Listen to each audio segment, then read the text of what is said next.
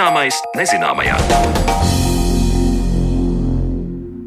Esiet sveicināti redzējumu zināmais nezināmajā un Sandra Kropa, kā ierasts šajā laikā kopā ar jums, un šoreiz mēs pievērsīsimies dabā notiekošiem. Precīzāk sugām, kas nevis pazūd, bet gan tiek atklātas. Kas jauns sēņu un kukaiņu pasaulē ienācis Latvijas teritorijā pēdējā laikā uzzināsiet redzējumu otrajā daļā, bet līdz tam mums padomā kāds īpašs stāsts, un tas būs par peldošo ezerriekstu, kas šajā zemē bija izplatīts pirms vairākiem tūkstošiem gadu. Pirms vairākiem tūkstošiem gadu peldošais ezerrieks bija izplatīts visā Latvijā, un cilvēki to labprāt lietoja uzturā. Gan klimata pārmaiņu, gan cilvēku darbības rezultātā šobrīd ezerrieks iespējams atrast vien četrās vietās Latvijā, taču pavisam nesen zinātniska darba rezultātā pētniekiem jaunatklājums bijusi ezerrieksta fosīlijas Saukas ezerā. Ko būtiski zināt par ezerriekstu agrāk un tagad, to noskaidrot devās mana kolēģe Mariona Baltkalne.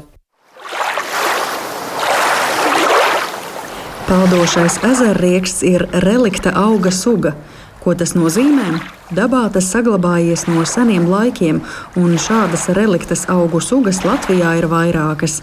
Ezerrieksts ir augs ar neparastas formas augli, izvēlīgs attiecībā uz dzīves vidi, un lai gan tās ziedu laiki jau sen beigušies un Latvijā ir vien dažas ezerrieksta atradnes, augs pētniekiem mēdz sagādāt pārsteigumus arī mūsdienās. Ezerrieksta dabu un untumus attālinātā sarunā skaidro Latvijas Universitātes Bioloģijas institūta pētniece Linda Uzule. Peldošais ezerrieksts ir terciāra perioda floras pārstāvis, un cik nu mums rāda visi paleobotāniskie pētījumi, visplašāk ezerrieksts Latvijā ir bijis izplatīts aptuveni 5000 līdz 6000 gadus atpakaļ, respektīvi tad, kad Latvijā bija daudz maigāk augstāks un siltāks klimats jo ezerriekstām patīk tās temperatūras tādas augstākas nekā tās ir pat. Un proti, pirms šiem pieciem līdz sešiem tūkstošiem gadu ezerrieks Latvijā patiešām bija daudz, daudz, daudz biežāk sastopams. Un ja pat laban mēs viņu varam vairs tikai atrast Latvijas austrumos, tad um, šajā senatnē ezerrieks principā bija atrodams visā Latvijas teritorijā. Tas nozīmē, ka mūsdienās ir kļuvis augstāks, un tāpēc ezerrieks ir mazāk. Jā, tā ir. Nu, tas ir pilnīgi normāli, jo, kā mēs zinām, Zemes attīstības vēsturē bijuši siltāki klimatiskie apstākļi, kas ir mirušies ar augstākiem apstākļiem.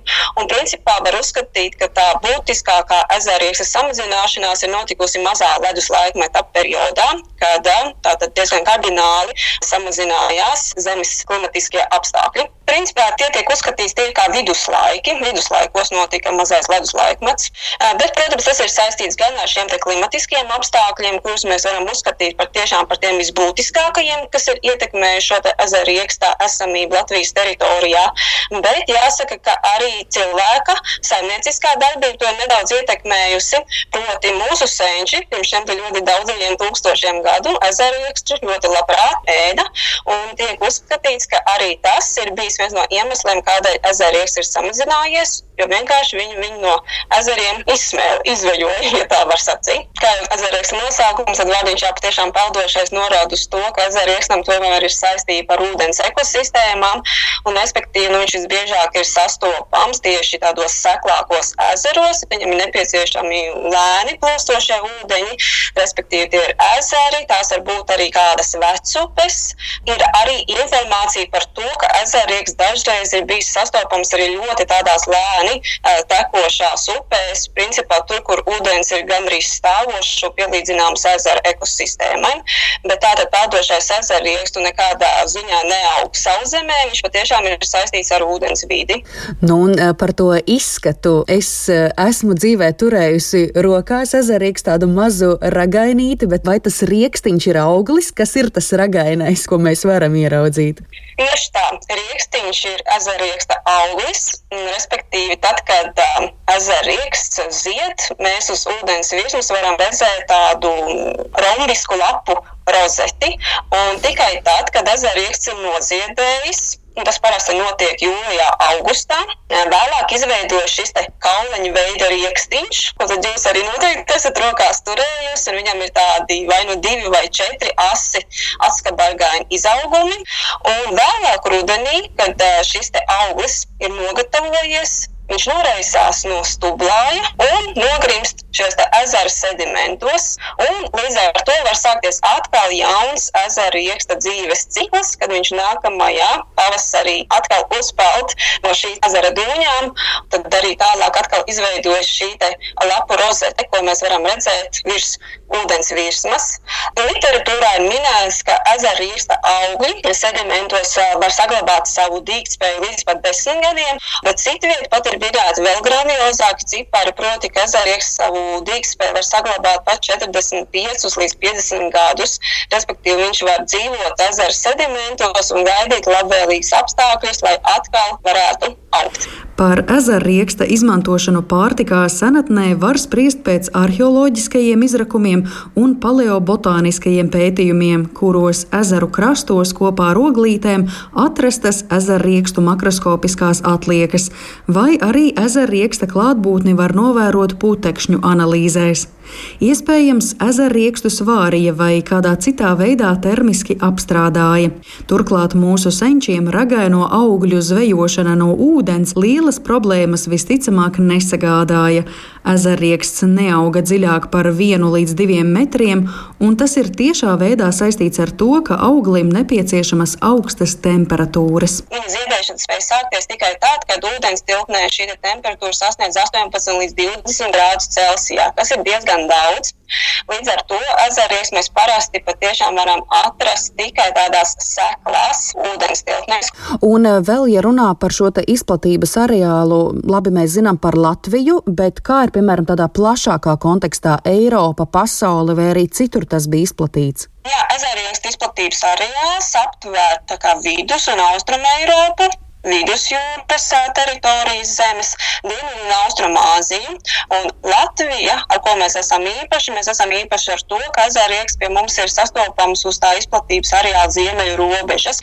Esam ļoti interesanti arī ar to, ka mēs varēsim nākotnē vērot un skatīties, kā tad ezerieks pie mums izplatīsies. Protams, ir zināms, ka pasaulē tagad notiek klimata pasiltināšanās process, un tad mēs varēsim vērot, kas notiek, vai ezerieks pie mums jūtas labāk, kā tam it kā pēc teorijas vajadzētu būt, vai arī varbūt tomēr notiks kaut kādi citi procesi, jo, protams, ezeriekstu ietekmē arī visas antropogēnās lietas, kas, diemžēl, arī pie mums Latvijā nav nekas svešs un nepazīstams. Ir bijušas kaut kādas priekšrocības, kāpēc ezerrieks tomēr nu, ir izdzīvojis, jo mēs ļoti labi zinām, ka daudzas augu sugas mēs mūsdienās vispār vairs nevaram ieraudzīt. Es pieļauju, ka varbūt tas ir saistīts ar to, ka viņam ir šie atskatbargainie izdevumu izaugumi. Līdz ar to tas dod tā kā jaunu tādu nišu, kad viņš var izplatīties, piemēram, ar ūdensputnu palīdzību vai ar to pašu zvejas tīklu kaut kādā veidā palīdzību. Līdz ar to no šādām varbūt vietām, kur ezerriekstām vairs īsti nepatīk uzturēties, viņš tiek pārnests uz kādu citu teritoriju. Protams, katrai sugai ir kaut kādas savas pielāgošanās un adaptēšanās spējas. Un tad ezerriekstām varbūt tās ir nedaudz labākas nekā daudzām citām sugām, kuras, diemžēl, pie mums Latvijā vairs nav sastopamas. Eh, bet patiešām ļoti, ļoti lielā mērā tas ir atkarīgs arī no šīs cilvēka saimnieciskās darbības. Tādēļ ir patiešām ļoti būtiski novērtēt uh, to, un saglabāt tās ezerieksta atradnes, kuras pie mums Latvijā vēl joprojām ir sastopamas, un patiešām darīt visu iespējamo, lai šīs atradnes neietu zudībā cilvēka saimnieciskās darbības rezultātā. Protams, šajos ezeros, kuros ezerieksts vēl joprojām ir, ir ļoti jāskatās līdzi, lai tajos nepalielinās um, piesārņojums ar biogēniem elementiem, kas var novest pie eitrofikācijas procesiem, ezera aizaugšanas un um, arī pie ezerieks izušanas. Minējāt, ka agrāk Latvijā ezerieks bija izplatīts visā teritorijā, tad saprotu, ka šobrīd mēs runājam par ļoti konkrētiem ezeriem, kur tas vēl ir.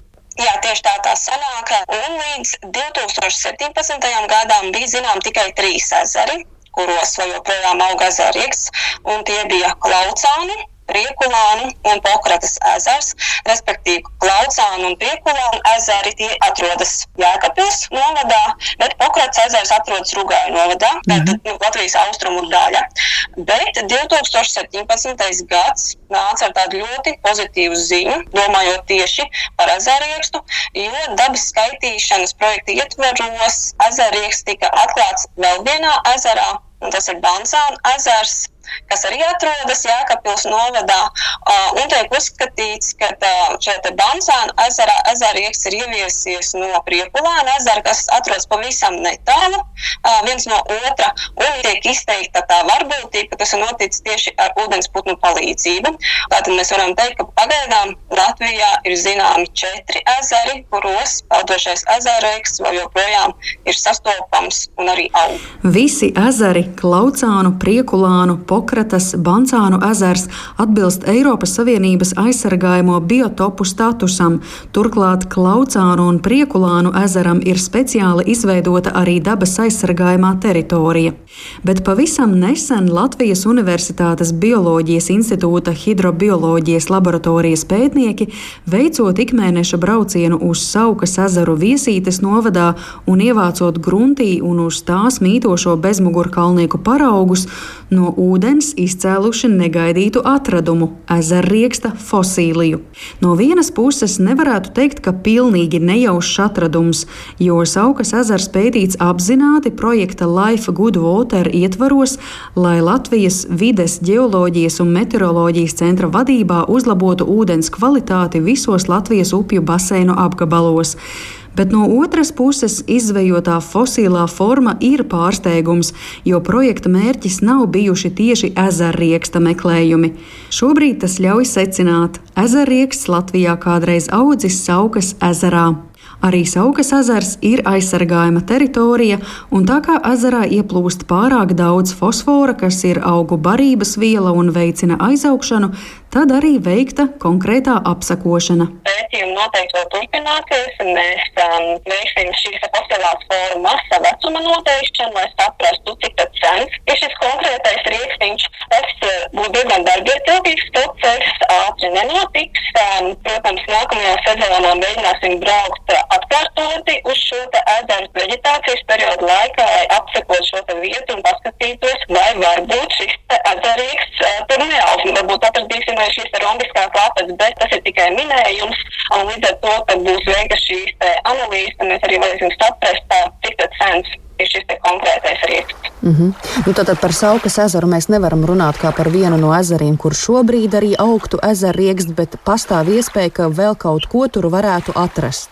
Tātad mēs atkal šo pētījumu varam um, palielināt šo datu bāzi, kurā pat labāk ir 27 ieraksti par to, kur Latvijā kādreiz ir bijis sasaukums ezerīgs. Nu, tad Saukas ezers tagad pievienojas tam un ir kā 28. ieraksts šajā datu bāzē. Par ezerieksta atradnēm senāk Šobrīd un sugas saglabāšanos nākotnē stāstīja Latvijas Universitātes Bioloģijas institūta pētniece Linda Uzula un ar pētnieci attālināti sarunājās mana kolēģe Mariona Baltkalne. Bet par to, kādas sugas pavisam nesen atklāts Latvijā, mēs runāsim raidījuma turpinājumā.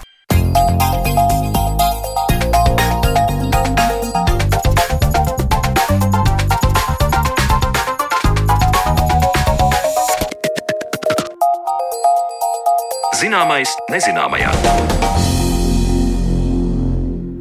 Arvien biežāk arī zināmais nezināmajā etrā mēs runājam par dabas daudzveidības samazināšanos un to, kādas sugas mūsu dabā vairs nav sastopamas. Tomēr dabas pētnieki ar vienu atrod arī ko jaunu un līdz šim Latvijā neredzētu.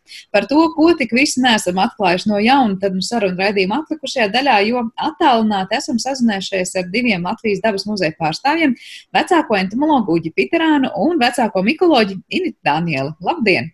Labdien! Labdien! Kāda ir šobrīd situācija Latvijā? Mēs daudz parasti runājam par to, ka sugas pazūd un sugu skaits un daudzveidība samazinās, bet tajā pašā laikā kaut kas arī nāk klāt. Latvijā esam tādā labvēlīgā situācijā un varam teikt, ka mums tomēr daudz jauna ir, izradies, ir izdevies atrast. Eh, nezinu, sākšu varbūt inīt ar jums. Eh, nu, tā situācija ir tāda, ka patiesībā sēņu varētu būt vēl vismaz piecas reizes vairāk nekā šobrīd ir atrastas, jo, diemžēl, ir pārāk maz speciālistu, kas šīs sugas meklē. Tā kā iespējas mums joprojām ir lielas, un, ja, piemēram, es kaut vai salīdzinu ar Ziemeļu valstu sugu noteicēju, tad ļoti daudzās sēņu ģintīs nu, tas, tas, tā starpība ir nu, diezgan liela. Ja, tiešām mēs tur varam atrast divreiz vairāk nekā mēs pašreiz zinām. Bet tas par to, to liek domāt, tāpēc, ka citur to ir vairāk, vai kaut kas Latvijas dabā vai jau esošo sugu tajā kaut kādā kompozīcijā, tā var teikt, liek domāt, ka te ir jābūt vēl kaut kam. Nu, ka, piemēram, šāda sēna auga tikai tad, ja blakus ir vēl tāda un tāda.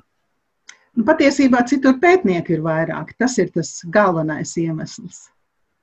Mums sēnes ir ļoti maz Latvijā izpētīts, ļoti, ļoti maz tiešām. Izpētīts ir maz, bet to, ka dabā ir jābūt lielai daudzveidībai, par to tad es saprotu, šaubu nav. Ja? Mm, par to šaubu nav, jo sēnes, tas mums tāds ļoti iemīļots teiciens pēdējā laikā, ka sēnes ir visur, ja, un jo lielāka ir tā tieši tā biotopa daudzveidība, jo arī sēnes vairāk. Un ne tikai varbūt tajos mūsu skaistajos dabiskajos biotopos, nu arī Rīgas dārzā var atrast jaunas sugas. Tā kā neprasīgs organisms var tādu nosaukt cēnas pret vidi, kurā, kurā mm, nu, jā, jā, vienkārši viņas visur ir, jā, un tas, vai mēs viņus redzam vai neredzam, nu, tas ir cits jautājums, jo tas, ko mēs redzam ārēji, ja tas ir tikai augļu ķermenis, kas lielākoties parādās uz ļoti īsu laiku un var katru gadu neparādīties, bet tas nenozīmē, ka to sēņu tur nav. Uģi, kā ir ar kukaiņu pasauli? Vai var teikt arī līdzīgi, kā tikko dzirdējām par sēnēm, ka pavisam noteikti apkārt mums vēl daudz vairāk nekā vispār varam iedomāties un šobrīd zinām? Nu, bez šaubām, jo problēma mums ir līdzīga. Arī kukaiņu pētnieki Latvijā ir pārāk maz, lai mēs varētu to visu sugu sastāvu tā kārtīgi iepazīt. Bet eh, nu, tajā pašā laikā par kukaiņiem es gribētu minēt, ka nu, atšķirībā no sēnēm un augiem, eh, nu, viņi ir tādi vairāk pārvietoties spējīgāk, un eh, teiksim, nu, mums ir tomēr eh, zinām sugu atradumi, kas liecina, ka šīs sugas ir ienācēji, nesen ienācēji Latvijas faunā. Tā kā, nu, no kukaiņiem ir tā, ka tur fauna mainās, un ja mēs salīdzinām ar eh, teiksim, pētījumiem, vai ko ir zinātnieki veikuši pagājušā gadsimta vidū, tad nu, kopš tā laika ir situācija mainījusies. Daudz sugas ir ienākušas. Uh, ir kaut kāds no aplēses, kā mēs varam mērīt. Tas būtu ļoti, ļoti daudz, vai tas būtu normas robežās daudz, tās ienāk vairāk, kā būtu kā jāienāk, vai tas ir labi, ka ienāk? Uh, nu, es domāju, tas ir vienkārši tāds dabisks process, jo mēs Latvijā atrodamies tādā, uh, uz tādas robežas, teiksim tā, starp ziemeļu uh, valstīm, uh, teiksim, Somijā, Skandināvijā ir cita fauna, mums uh, Latvijas ziemeļos tieši šīs faunas paliek tā kā ir sastopams šīs ziemeļu sugas. Tajā pašā laikā no dienvidiem parādās tādas jau nu, nedaudz dienvidnieciskākas. Mēs esam uz tās robežas, un ja nedaudz klimats mainās, tad mums uzreiz tās dienvidnieciskās e, straujāk nāk iekšā, kamēr nu, līdz Igaunijai viņi pat citreiz nesasniedzās. Mēs esam tādā labā, mainīgā vietā. Nu, ienācēji tad mums ir daudz un būs. Es pieņemu vēl vairāk, ja klimats mainās, kā tikko teicu, bet, piemēram, kas notiek ar tām mūsējām, tās mūsu pamat, tās, kas visu laiku pie mums ir bijušas, vai tomēr tās jaunās sāk dzīvot līdzās ar tām mūsu ierastajām? Uh, nu, te jā, drīzāk ir gan, gan. Uh, nav tā, ka šīs ienācējas izspiež mūsu vietējās sugas. Tā, tā pagaidām mēs nevaram teikt. Viņas ieņem brīvas nišas, kas ir uh, nu, vienkārši viņām piemērotas. Bet nu, ir tā, ka, jā, ka tās ziemeļu sugas, eh, tīpaši tās sugas, kas vairāk ar purviem saistītas, nu, ir. Nu, mūsu tauriņu pētnieki saka, saka, ka ir dažas sugas, ir vienkārši jā, pēdējo 20, 30 gadu laikā nav atrodamas vairāk. Nav teikts, ka viņas nav sastopams, iespējams, ļoti eh, zemā blīvumā, kaut kur, kaut kādā no purviem, kur viņiem slēpjas. Nu, vienkārši nav gadījies līdz šim atrast, bet nu, ir risks, eh, aizdomas, ka iespējams viņas ir izzudušas. Tas ir gan daļai saistīts ar klimatu pārmaiņām, kad uh, viņas ir par tik uz tās robežas dienvidu. Viņas būs pirmās, kas atkāpsies, un arī daļai saistīts ar to, ka jā, mums purvi uh, tiek meliorēti, tikuši kādreiz meliorēti, tas viņu dabiskums mazinās, un arī tas ietekmē. Kādi jūs, jums abiem liekas tie spilgtākie piemēri, ko jūs minējāt no tiem nu, jaunatklājumiem vai jaunienācējiem? Kas noteikti ir tas, kas nu, atbilstoši kukaiņu un ceņu pasaulē sevi ir pieteicis Latvijas dabā? Inita, varbūt šoreiz sākšu ar jums. Nu, sēnēm droši vien tāds ļoti spilgts jaunienācējs, nu jau vairs ne pirmo gadu, Tā ir dzīslukāta beka, ko jau mēs gandrīz varētu uzskatīt arī par tādu invazīvu sugu, jo nu, pagaidām īsti vēl nav skaidrs, vai izspiež kādas vietējās sugas vai nē. Nu, tā suga pirmo reizi Eiropā parādījās Lietuvā, kurš kāpā. Nu, šobrīd jau mums te arī Latvijā viscaur jūras piekrastē, arī dziļāk iekšzemē, pat Daugavpils apkārtnē ļoti sas, daudz sastopama un patiesībā nu, jau masveidīga suga. Otrs tāds varbūt interesants piemērs, eh, kā eh, pirms pāris gadiem Rīgas centrā apstādījumos tika atrasta eh, krogradzena virpainīte, kas patiesībā nu, Eiropā nav tāda īsti savvaļas suga. Tā tiek audzēta Un kā viņi gadījās parkā, nu, tur mums eh, arī tur um, vairākas versijas. Viena no tām, ka um, parkā eh, tajos eh, puķu dobēs tiek klāta šķelda, un šķelda ir iegūta likvidējot izgāstuvus ap um, nu, apaugumu. Nu, tie, tie koki krūmi tur ir sašķeldoti. Nu, kā nokļuva izgāstuvē, vai nu, no veikaliem, vai no vai varbūt eh, no restorāniem, bet nu, tas, tas arī tā ir tikai tāda teorija, un, un nav teikts, ka tas ceļš varēja nebūt arī citādāks. Nu, kā vēl var ienākt? Nu, ļoti daudzas sēnes ir saistītas ar koku. Un, ja mums ir kāda introducētās koku sugas, tad ļoti ticams, ka viņām līdzi arī var atnākt kādas uh, sēņu sugas. Nu, tā var būt ne īsti mana sfēra, ja, bet nu, mikroskopiskās sēnes, kas izraisa augu slimības. Un, protams, ja mēs ievedam kādus kultūra augus, nu, viņiem līdzi var atnākt arī tā sēne, kas uz viņiem parazitē. Bet tas, ko jūs minējāt par šķeldu, tas ir tās jauns aspekts. Man liekas, daudz ir apzinājuši to, ka ar šķeldu patiesībā tādas sugas tiek arī atnestas no citām vietām. Nu, kas šķelda, nu, tā patiesībā ir koksne. Un, un jebkurus eh, dažādus eh, augu izcelsmes eh, atkritumus, mirušās daļiņas, noārda sēnes. Ja, un, ja tur ir šķelda, Un, ja viņa nav apstrādāta ar kaut kādiem fungicīdiem, kaut ko, nu, protams, ka ir, tur ir jābūt sēnēm, kas, kas to šķeldu sadala. Un tāpēc man tā reizēm izbrīna, ka cilvēki ļoti satraucās par to, ka viņi dārzā ir sakaisījuši šķeldu un ārprāts, ārprāts tur aug sēnes. Un, protams, ka viņas tur aug, tā ir viņa barība. Nu, jūs uh, iekaisot to, ieviešot šķeldu savā parkā, dārzā, nu, jūs izveidojat tādu kā sēņu viesnīcu. Un, protams, ka viņas tur atnāks. Vai nu tādas, kas mums ir Latvijā jau bieži sastopams, vai varbūt tikpat labi retāk sastopams, vai vienkārši viņas šādā veidā nonāk mūsu acu priekšā. Ja mēs viņus varbūt nepamanītu kaut kur uh, tālāk mežā, ja, bet, nu, ja viņi mums izaug dārzā parkā, mums viņi būtu vienkārši vieglāk pamanīt. Bet tās ir joprojām tās vēlamās sugas, piemēram, nu, ja kāds tagad savā dārzā to šķeldu izkaisot, saprot, ka tur atnāk arī tās sēņu sugas, tur atnāks tās, kas ir tās labās, vajadzīgās, vai tās būs tās, no kurām labāk jātiek vaļā dārzā. Nu, kādā veidā mēs iedalīsim labās vai sliktās? Ja? Nu, viņas ir koksnes noārdītājs. Nu, tas ir viņa darbs, noārdīt koksni. Bet tā nav ne kā kaitēklis, kas varbūt tagad panāks, ka kaut kas mums sāk vairāk, kā saka, iet zudībā apkārtējā vidē, nu, Nu, ja viņa ir kaitēklis, tad viņa ir parazīts, ja, un tā ir cita ekoloģiskā grupa. Un, ja viņi ir mirušas koksnes noārdītāji, tad viņi tikpat labi noārda gan to mež, mirušo koksni dārzā, kā, kā mežā. Viņa nav kaitēklis. Par to beku, ko jūs minējāt, kas tika atrasta sākumā Lietuvā. Jūs teicāt, pirmo reizi Eiropā tā tur tika atrasta. Jā, pirmo reizi Eiropā tā ir Ziemeļamerikas suga. Uh, Nu, tur atkal ir dažādas versijas, nu, kā varēja nonākt no Ziemeļamerikas Eiropā. Nu, protams, mums ir tirzniecība, mums ir turisms, jā, nu, tur tie ceļi var būt dažādi. Un gal galā tīri teorētiski sēņas poras ir tik vieglas, ka viņas var aplidot apkārt visai pasaulē. Jā, tā kā, nu, Protams, mums pasaule ir atvērta, un līdz ar to ir atvērta arī dažādām sugām. Tikai attiecīgi, eh, vai ir, viņām ir iespējams pie mums iedzīvoties vai nav.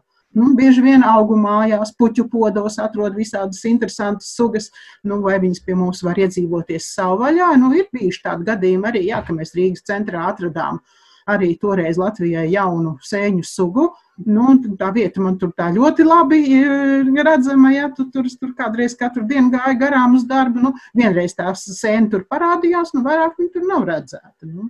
Tā, tā ir tropiskā sēne, kaut kur dzīvo, var dzīvot kaut kur augu mājā, puķu podā, bet nu, vairāk kā vienu vasaru viņa ārpus, ārpus uh, telpām nevarēja izdzīvot. Tā kā ārpus savas komforta zonas vairs neizdzīvoja. Jā, jā, jā. Uģi, vai līdzīgi stāsti, kā mums tikko stāstīja par sēnēm, tad tāda izsakošanas pēc stāsti, kā kurš iespējams ir ienācis Latvijā, kaut kas zināms arī par kukaiņu ienācējiem. Jā, principā ir diezgan daudz. Nu, šogad ir tāds, ja mēs runājam par tādiem ne mūsu vietējās, pat, teiksim, tā, ne Eiropas sugām, tad arī šodien, šogad uh, Latvijā ir tikušas konstatētas vismaz dažas tādas.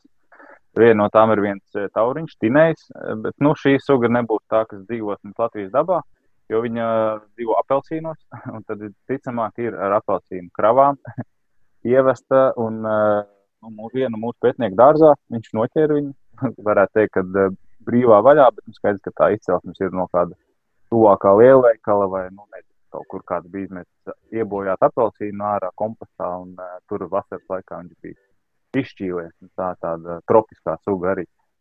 Bet es saprotu, tas ir tikai vasaras laikā bija izšķīlies, bet tad ir pamats domāt, ka tas tinējs ir spējīgs dzīvot arī Latvijas vidē ilgāk.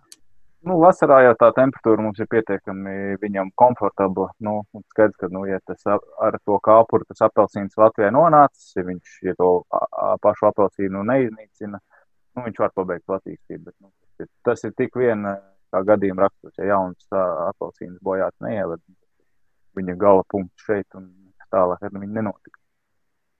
Bet ir viena cita suga, no ziem, arī no Ziemeļamerikas jāsaka, ka teikt, tiešām pasaule kļūst globalizēta un viena ornamentu blakus.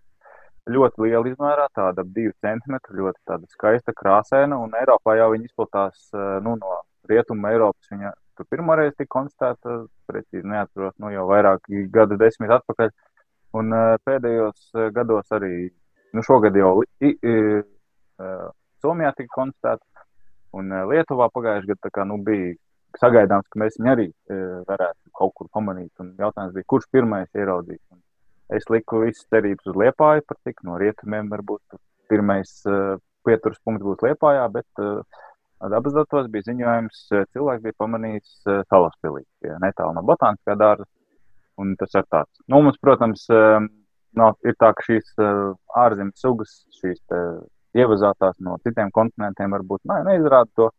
Nav tas pats pats lielākais prieks, kā sugas, kas, kas nāk tādā dabiskākā ceļā, bet nu, vienalga šī suga jau pietiekami ilgi Eiropā sastopama. Par cik mēs viņu gaidījām, tad pirmais novērojama brīdis vienalga bija tāds prieks. Nu, tad beidzot arī pie mums ir. Tā kā kopumā tās ir tā labas ziņas, bet atkal izskan Ziemeļamerika un Ziemeļamerika. Var teikt, ka šobrīd, vienalga, vai mēs runājam par kukaiņiem, sēnēm vai citiem organismiem, šis ir tāds reģions, no kura ienāk daudz sugas Latvijā. Nav, Jā. nav obligāti. Tas, tas tik tāds. Es domāju, pēdējos, nu, vismaz no kukaiņiem pēdējos gados ir tā, ka vienkārši tā sakrīt, ka ir dažas tādas interesantākās sugas, piemēram, rododendru cikādiņi, kas tādi ļoti skaisti krāsaini, bet ir arī diezgan daudz sugas no Āzijas un no citiem kontinentiem. Inita, tur laikam izskanēja diezgan tāds pozitīvs sajūts, ka stēņi pasaulē vairāk tā kā tie klimatiskie apstākļi tomēr ir līdzīgāki nu, mums te mūsu Eiropas daļai un Ziemeļamerikai nekā, teiksim, eh, Latvijai un eh, varbūt Āfrikai vai, vai Dienvidāzijai, nu, tad tas tā it kā loģiski, jā. Bet kā jūs vērtējat tas ātrums, kādā ienāk jaunas sugas? Tas ir kaut kas īpašs, vērā ņemams, nebijis līdz šim, vai tas, jūs teikt, nu, dabiski tā vienmēr ir bijis un tas vienkārši turpinās? Es domāju, ka tā ir. Nu, protams, ka ātrums varētu pieaugt, tāpēc, ka vairāk pieaug tur tirdzniecība, turisms un vispār mēs tā kā vairāk kustamies nekā varbūt eh, gadsimti atpakaļ. Ja? Tādā ziņā. Bet, eh, kā jau es pašā sākumā teicu, varbūt šī su, jauno sugu parādīšanās visbiežāk tomēr ir skaist, saistīta ar to, ka ir vairāk pētījumu un pateicoties jau pieminētajiem dabas datiem, pateicoties vēl dažiem institūtiem tādiem interesantiem un entuziastiem. Vienkārši ir arī vairāk cilvēku, kas tam pievēršās. Un līdz ar to vienkārši tāpēc arī to datu ir vairāk. Mm. Uģi, kāds būtu tavs vērtējums? Uh, nu, teiksim tā, ja par to ātrumu, tad, manuprāt, spāris ir tāds labs piemērs, jo tur to pētījumi, tā teiksim, tās pāris arī vieglāk ir novērot. To dara varbūt vairāk cilvēku, vai ja ne Latvijā, tad ārzemēs noteikti. Un tad šīm, šīm spārēm arī pēdējo 20 gadu laikā ir daudz sugas, kas ir veikušas pietiekami tādas uh, straujas, nu, ja tā skatās ilgākā mm, laika griezumā, straujas lietienas uz ziemeļiem. Bet tajā pašā laikā, ja tā paskatās smalkāk, te ir burtiski katru gadu pieteiktai sugai pa kādiem 30, 50 km pavirzīties nedaudz tālāk, varbūt 10, 15. Un, ja viņi katru gadu pa 10, 15 km pavirzās tālāk uz ziemeļiem, tad skatieties, tas jau ir 100 km 10 gadu laikā vismaz. Un, tāds, piemēram, šogad arī viena jauna spāra suga mums ir konstatēta. Mūsu dabas muzeja kolēģis Nikolais Savinkovs pētot tauriņus, nu, teiksim tā, nejauši, bet nu, noķēra vienu jaunu spāru sugu, tumšo ziemas spāri, kas arī ir viena no šādām sugām, kas vēl pirms gadiem 20, 30, nu, vai arī teiksim, tajā laikā, kad Zanis Spurs pētīs pāris, nu, nebija tā viņam nebija pat cerības, ka šī suga varētu būt Latvijas sastopams. Nu, man vismaz tā šķiet, un tieši pēdējo 20, 15 gadu laikā šīs sugas izplatība ir sākusies uz ziemeļiem. Nesen konstatēta arī Igaunijā, un uh, Zviedrijas rietumu piek, uh, austrumu piekrastē jau diezgan tālu. Arī skaidrs, ka bija, viņi pie mums ir šī suga. Jautājums, kurš būs pirmais, kurš to ieraudzīs. Tad pāris, es domāju, ļoti labs tāds piemērs tam straujumam, kā vispār kukaiņi izplatās. Un par to es arī prātoju savos blakus pētījumos, ka, ja kāda suga katru gadu tiešām tikai par 10, 20 km pavirzās, tad, tad ar to pilnībā, pilnībā pietiek, pietiek, lai, lai uh, pēc gadiem 10, 10, 20 pie mums. Tātad tādi ir tie, var teikt, nu, interesantākie piemēri arī no kukaiņu ienācējiem vai vismaz atklājējiem. Jautājums, eh, kā notiek to jauno sugu atrašana? Vai tas ir tāds mērķtiecīgs darbs un ir tāda pētniekam sajūta, kurā vietā un kas būtu jāmeklē, vai tā ir nejaušība? Sākšu ar nu, kukaiņiem. Teiktu, ah, nu, labi, ar sēnēm lūdzu. Jā, nu es teiktu, ka bieži vien tā ir nejaušība. Uh, Un uh, bieži vien to, to jauno sugu konstatē tieši uh, sēžot pie mikroskopa un skatoties noteicējā un skatoties sporas, cistīdes, jo bieži vien tā atšķirība ir tik niecīga, ja, ka tur pat nu, dažādās mikroskopiskās pazīmēs kaut kādi sporu izmēri, sporu forma, cistīdes, nu tie ir tādi veidojumi starp, starp bazīdijām, uz kurām attīstās sporas, kas palīdz sporām izplatīties un ko mikroskopi mikroskopā redzēt. Bet ārēji, nu, viņas patiesībā tā makroskopiski ļoti maz atšķirās.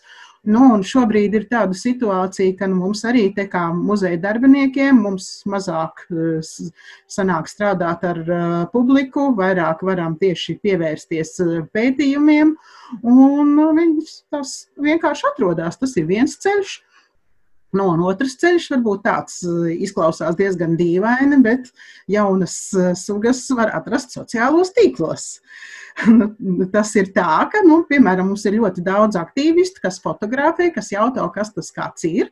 Un, eh, nu, šādā veidā, piemēram, atradās mums jauna jumteņu suga, uh, oranžā jumtene, ko, kas bija nofotografēta dārzā, un, un cilvēks jautāja, nu, kas tas ir. Nu, un eh, jau tā pēc attēla spriežot, jau likās, o, nu, tā jābūt tai sugai, ja, un ja, mums vēl uz muzeja tika atgādāts eh, paraudziņš, un viss, nu, tika pārbaudīts arī pēc mikroskopiskām pazīmēm, tā. Patiesībā jebkurš var atrast šo jauno sugu. Tā kā tas tāds iedrošinājums cilvēkiem skatīties apkārt un pēcāt ekspertiem, ja kas tas ir, iespējams, kļūsim par jaunu sugas atklājēju Latvijā. Jā, tas ir ļoti reāli. Tas nav nekāds brīnums, nav nekas neparasts. Tā jau patiesībā tāda ikdiena. Uh mhm. -huh. Uģi, kā notiek ar kukaiņu atklāšanu? Nu, es domāju, ļoti līdzīgi. Tur jāpiekrīt, ka arī kukaiņiem ir daudz sugas, kuras mēs varam noteikt un apstiprināt tikai jau pēc tam teikt, laboratoriskos apstākļos, kad mēs izpētām visas tās smalkākās pazīmes. Un tā atrašana ir nu, varbūt relatīvi nejauša, bet, nu, manuprāt, šogad eh, arī bija tāds labs piemērs, kad uh, arī speciāli meklējot, varat diezgan uh, mērķiecīgi atrast kaut ko jaunu. Tā, piemēram, nu viens arī entuziasts, Kārlis Freibergs, kas interesējās par blaktīm, kādu brīdi dzīvoja papē, papas ornitoloģiskajā stacionārā. Nu, es viņam aizsūtīju ziņu, ka nu, tur varētu forši pameklēt vienu ornamentu blaku, kas dzīvo uz Valneru upugu grābeklītēm.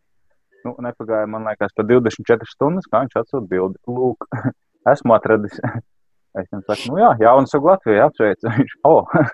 Un tā kā, ja zina to sugu bioloģiju, tīpaši no tām jaunajām sugām, kuras varbūt vēl nav sastopamas, tad tā mērķiecīgāk viņas meklējot, nu, ir tomēr kukaiņiem diezgan tāda daudzām sugām raksturīgi piesaist pie konkrētiem barības augiem, tā skaitā sēnē. Mums ir vēl dažas mizas blakus sugas, kas barojās uz pietēm, kuras mēs varbūt varētu mērķiecīgāk, ja mēs, ja es tās sēnes labāk pazītu, varētu meklēt.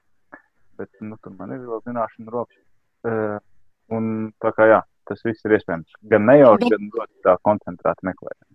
Bet, ja mēs runājam par to koncentrēto meklēšanu, nu, kaut vai šis piemērs, tad bija jāzina, ka ir jābūt papē apmēram tādai, tādai sugai. Kas bija tas, kas, kādu pavadienu lika domāt, ka tai sugai tur ir jābūt? Nu, tas ir papi arī tauriņu pētnieku. Tauriņu pētnieki tur brauc, un uh, varbūt ne jau tikai tāpēc, ka tas ir, nu, kā jau arī tauriņi mēdz migrēt, uh, starp kukaņiem tā ir tāda viena no grupām, kur mēs sastopam visvairāk tādus uh, migrantus, teiksim, tā no dienvidiem. Ne, protams, ja putni migrē papē, tad arī tauriņi migrē papē, tikai pretējā virzienā. Bet uh, tas ir pats, pats viens no galējiem, kā teikt, Latvijas dienas rietumu stūris. Un, uh, ja kura suga, kas uh, varbūt tā kā tuvojas no rietumiem, tad iespējams, ka viņi tur būs tā pirmā vieta, kur uh, viņi parādīsies. Bet šī konkrēta ornamentu blakus bija jāzināms, viņa polijā sastopama. Uh, Polijas arī austrumu, ziemeļa austrumu daļā, tā kā nu, relatīvi netālu. Tad, nu, ja, ja meklēt, kāpēc nemeklēt tur? Bet ir tādas citas vēl vietas Latvijā, kur, nu, var teikt, vienalga, mēs runājam par kukaiņu sugām vai sēņu sugām, ir tādas topa vietas, kurās noteikti, noteikti ir vērts skatīties un kaut ko interesantu atrast, nu, līdzīgi kā Uģis tikko par papi stāstīja. Jā, protams, nu tie eh, pirmām kārtām ir eh, veci meži ar lielu bioloģiskā daudzveidību, meži ar daudzām kritalām, nu, jo, jo vairāk ir tās bioloģiskās daudzveidības struktūras, ja, jo arī lielāka iespēja kaut ko atrast. Ja, ja ir sēnes, kas aug uz, uz kritalām, ir sēnes, kas veido mikrorizmu ar dzīviem kokiem, un tur jau tas atkarīgs jau, jau nu, ja mēs varam paskatīties par tādā ļoti, varbūt, tradicionālā mm, biotopā kā priežu silā, un tikko tur ir kāda lapu koku grupiņa, tā tur jau ir iespējams atrast kaut ko citu. Tad, tad jo lielāka šī daudzveidība, jo lielākas iespējas atrast. Tas ir par mežiem. Nu, vēl tāda liela iespēja ir nemēslotās dabiskās eh, pļavās. Ir iespējams atrast šo interesantu, īpaši eh, no mm, sārtlapītēm, no stiklenēm, vēl citas sēņu sugas. Jā, arī vecos parkos, kur ir vecie koki, arī zālienos, jo tur tas zāles zelmenis ir uh, pietiekoši zems, lai tur būtu vienkāršāk kaut ko ieraudzīt. Nu, ļoti, ļoti dažādos biotopos. Tāpat arī organismi arī sēnes atšķirās. Bet jūs tikko nosaucāt tos biotopus, par kuriem mēs bieži runājam, ka ar tiem mums Latvijā tik labi neklājas, ka mums ir pārāk maz šo dabisko zālāju, ka mums arī vecu, vecu mēžu kļūst arvien mazāk. Kā tur īsti sanāk, it kā te ir sēnēm labvēlīgi tie biotopi, kas mums iet tā kā zudībā. Nu, principā jau sēnēm labvēlīgi ir arī izcirtumi, jo nekas jau apēsts nepaliek. Bet, nu, protams, ka to lielāko daudzveidību mēs ne jau izcirtumā atradīsim. Ja? Tā kā, protams, jo, jo tas biotops ir vērtīgāks, jo, jo ir lielāka daudzveidība no citiem organismiem, jo arī sēnēm tur ir lielākas iespējas. Protams. Jā. Tā kā kaut kas būs arī citur, bet ne tik daudzveidīgs un ne tik bagātīgs. Tā varētu jā, protams. teikt. Uģi, kādi biotopi ir topa biotopi kukaiņu pētnieki? Uh, nu, ir, ir tā, ka nu, jā, te jau bieži vien tā, ka kukaiņus ir labi pētīt jebkur. Un galvenais jau vispār ir pētnieks. Un tajā tādā ziņā kaut ko jaunu var atrast arī jebkur pie savas mājas, ļavā, dārzā, vienalga, ka tik ir kas pēta. Bet uh, daudzos gadījumos, jā, nu, ir, ja mēs par tiem jaunienācējiem gribam tās noķert to brīdi, kad viņš Latvijā parādās, tad tā ir Latvijas tomēr perifērijas dienvidu daļa. Nezinu, šogad arī bija aizbraucis līdz Elējai, nu, teiksim tā, Lietuvas pierobeža relatīvi netālu. Un uh, tagad tā pēc tam pārskatot, trīs jaunas blakus sugas izdevās atrast. Visas trīs no ošiem. Tā tad ir no viena konkrēta oša, ir vairākas sugas, kas blakus sugas, kas dzīvo uz ošiem. Tieši šajā dienvidu daļā, nu, ja mēs pētām kādu konkrētu augu, ir lielāka iespēja, ka tieši tur mēs atrodam tās jaunās sugas. Tā kā drīzāk, jā, nu, ir, ja, ja biotopi var būt jebkādi, sākot no dabiskiem līdz pat pilsētu parkiem, bet nu, tās jaunās sugas, nu, primāri jau, protams, dienvidu daļa ir tā pirmā vieta, kur mēs to meklējam. Noslēdzot šo sarunu, pamazām, vai ir tādas, nu, kaut kādas konkrētas lietas, ko jūs sagaidāt no tuvākās nākotnes, vai teikt, vai nu prognozes, kas pie mums varētu ienākt, un tad, kā saka pētnieki, tur acis vaļā un skatās, kad, kur, kas varētu būt meklējams, vai ir kaut kāds konkrēts laiks, varbūt, uz kuru jūs liekat cerības, kad atrast labākās un vairāk, nezinu, daudzveidīgākās jaunās sugas, kas atkal varētu ienākt Latvijā? Nu, sēnēm, protams, ir ļoti svarīgs siltums un mitrums. Ja, un, tad, protams, ka tādos apstākļos arī vieglāk atrast vienalga ko un vieglāk atrast arī kaut ko jaunu. Nu, pats galvenais droši vien būtu, lai Latvijā ienāktu mūsu vidē jauni pētnieki, kas spēj šīs jaunās sugas atrast, noteikt, ja, kas spēj strādāt ar noteicējiem, ar mikroskopu. Nu, patiesībā jau mums visvairāk bremzē tieši pētnieku trūkums, piemēram, ļoti lielu sēņu grupu, sasku sēnes, patiesībā gandrīz netiek pētīts. Mēs jau tomēr, cik mēs tie mikologi esam, tāda nu, plašākā plašākā sfērā, tad, tad tas esam tikai daži cilvēki. Ja? Tā kā pētnieku trūkums tomēr ir pats galvenais. Lai... Tā kā neizlīdzēsimies tikai ar to, ka cilvēki ierauga kaut ko sociālos tīklos, jums pavaicā un tādā veidā rosina jaunu sugu atklāšanu. Jā, jā, protams, būtu vairāk, kas ar to tā nopietni nodarbojās. Būtu vairāk mm -hmm. labi. Uģi, kādas ir prognozes tuvākajai nākotnē? Ir kādas sugas, ko arī jau tagad var gaidīt, un tad vienkārši jāgaida brīdis, kad tās ieraudzīt Latvijā? Noteikti ir tādas sugas, par to šaubu nav. Es domāju, šis process ir jau diezgan tāds konstants, neapturams un parādīsies vairāk, lielāks, mazāks, dažādas. Un es pievienošos jā, Initē, kad pētnieku trūkums, vispār entuziastu trūkums, kas iesaistās tajā mūsu hobijā, kas, kuram tas ir, ir ļoti svarīgi, jo nu, portāls dabas.lv pierādījis, ka uh, arī ar tādu dziļu entuziasmu, patiesu entuziasmu, bez profesionālām zināšanām ir iespējams paveikt ļoti, ļoti daudz, iesaistīties, palīdzēt uh, speciālistiem, pētniekiem. Tā kā es aicinu visus, kam kaut nedaudz interesē daba, uh, neiet runa tikai par kukaiņiem, putniem, augiem, visiem citiem dabas objektiem. Dodamies, vērojam, fotografējam. Un, nu, mums speciālistiem tiešām noder tāda palīdzība. Un ar laiku, protams, tā interese kļūst vēl dziļāka un cilvēki pies, pies, pieslēdzās tam jau tā vēl zinātniskāk, un tas pavisam izcili. Bet ir tāds labākais laiks, kas ir gaidāms, nu, kad, piemēram, kukaiņus varētu tagad interesanti un entuziasti vairāk meklēt, un kurās vietās? Nu, tas ir atkarīgs no kāda mērķa. Piemēram, man personīgi sezona vēl nav beigusies. Es tūlīt droši vien beigsim sarunāties, do, vilkšu apavus kājās un došos ūdens blakus zvejot, kamēr vēl ezeri nav aizsaluši. Bet, nu, protams, ja mēs um, kaut kādas citas grupas pētām, tauriņus, tā ir vasara, protams, un uh, naktstauriņu pētniekiem uh, tieši vasaras beigas, rudens sākums, piemēram, septembrī, ja ir kādas ļoti siltas naktis. Šogad, piemēram, bija ļoti piemēroti apstākļi, lai mēģinātu kādu retu tauriņu migrantu novērot, jo bija nu, šīs siltās, uh, pie plus 20 grādiem rudens naktis.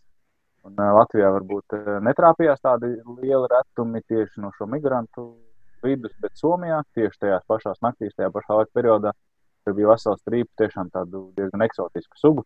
Un, protams, Somijā to pētnieku ir vairāk daudzi simti tieši tauriņu, naktauriņu pētnieku. Un, ja Latvijā būtu vairāk daudzi simti naktauriņu pētnieku, kas šajās siltajās naktīs meklētu šos tauriņus, tad mēs arī būtu atraduši ļoti daudz ko interesantu. Bet, nu, ja ir divi, trīs cilvēki, kas to dara, tad, tad, tad, tad arī atradumi ir mazāk. Nu, ko, laikam ir jālaiž žuģis meklēt un zvejot, kā tikko pats teici, ūdens blakus pareizi sadzirdēju. Jā. lai veiksmīgi tātad tā, tuvākie un tālākie pētījumi. Teikšu jums abiem lielu paldies par šo sarunu un atgādināšu, ka dzirdējām Latvijas dabas muzeja pārstāvis vecāko entomologu Uģi Piterānu un vecāko mikoloģi Initu Danielu. Ar to arī raidījums ir izskanējis, par to parūpējās producents Armīta Kolāta un mūzikas redaktors Girds Bišs un atgādināšu tikai, kā šos un citus zināmais nezināmajās stāstus varat klausīties arī populārākajās podkāstu vietnēs. Bet tas gan man šai reizē viss. Es, Sandra Kropa, būšu ar jums kopā jau atkal rīt. Visu labu!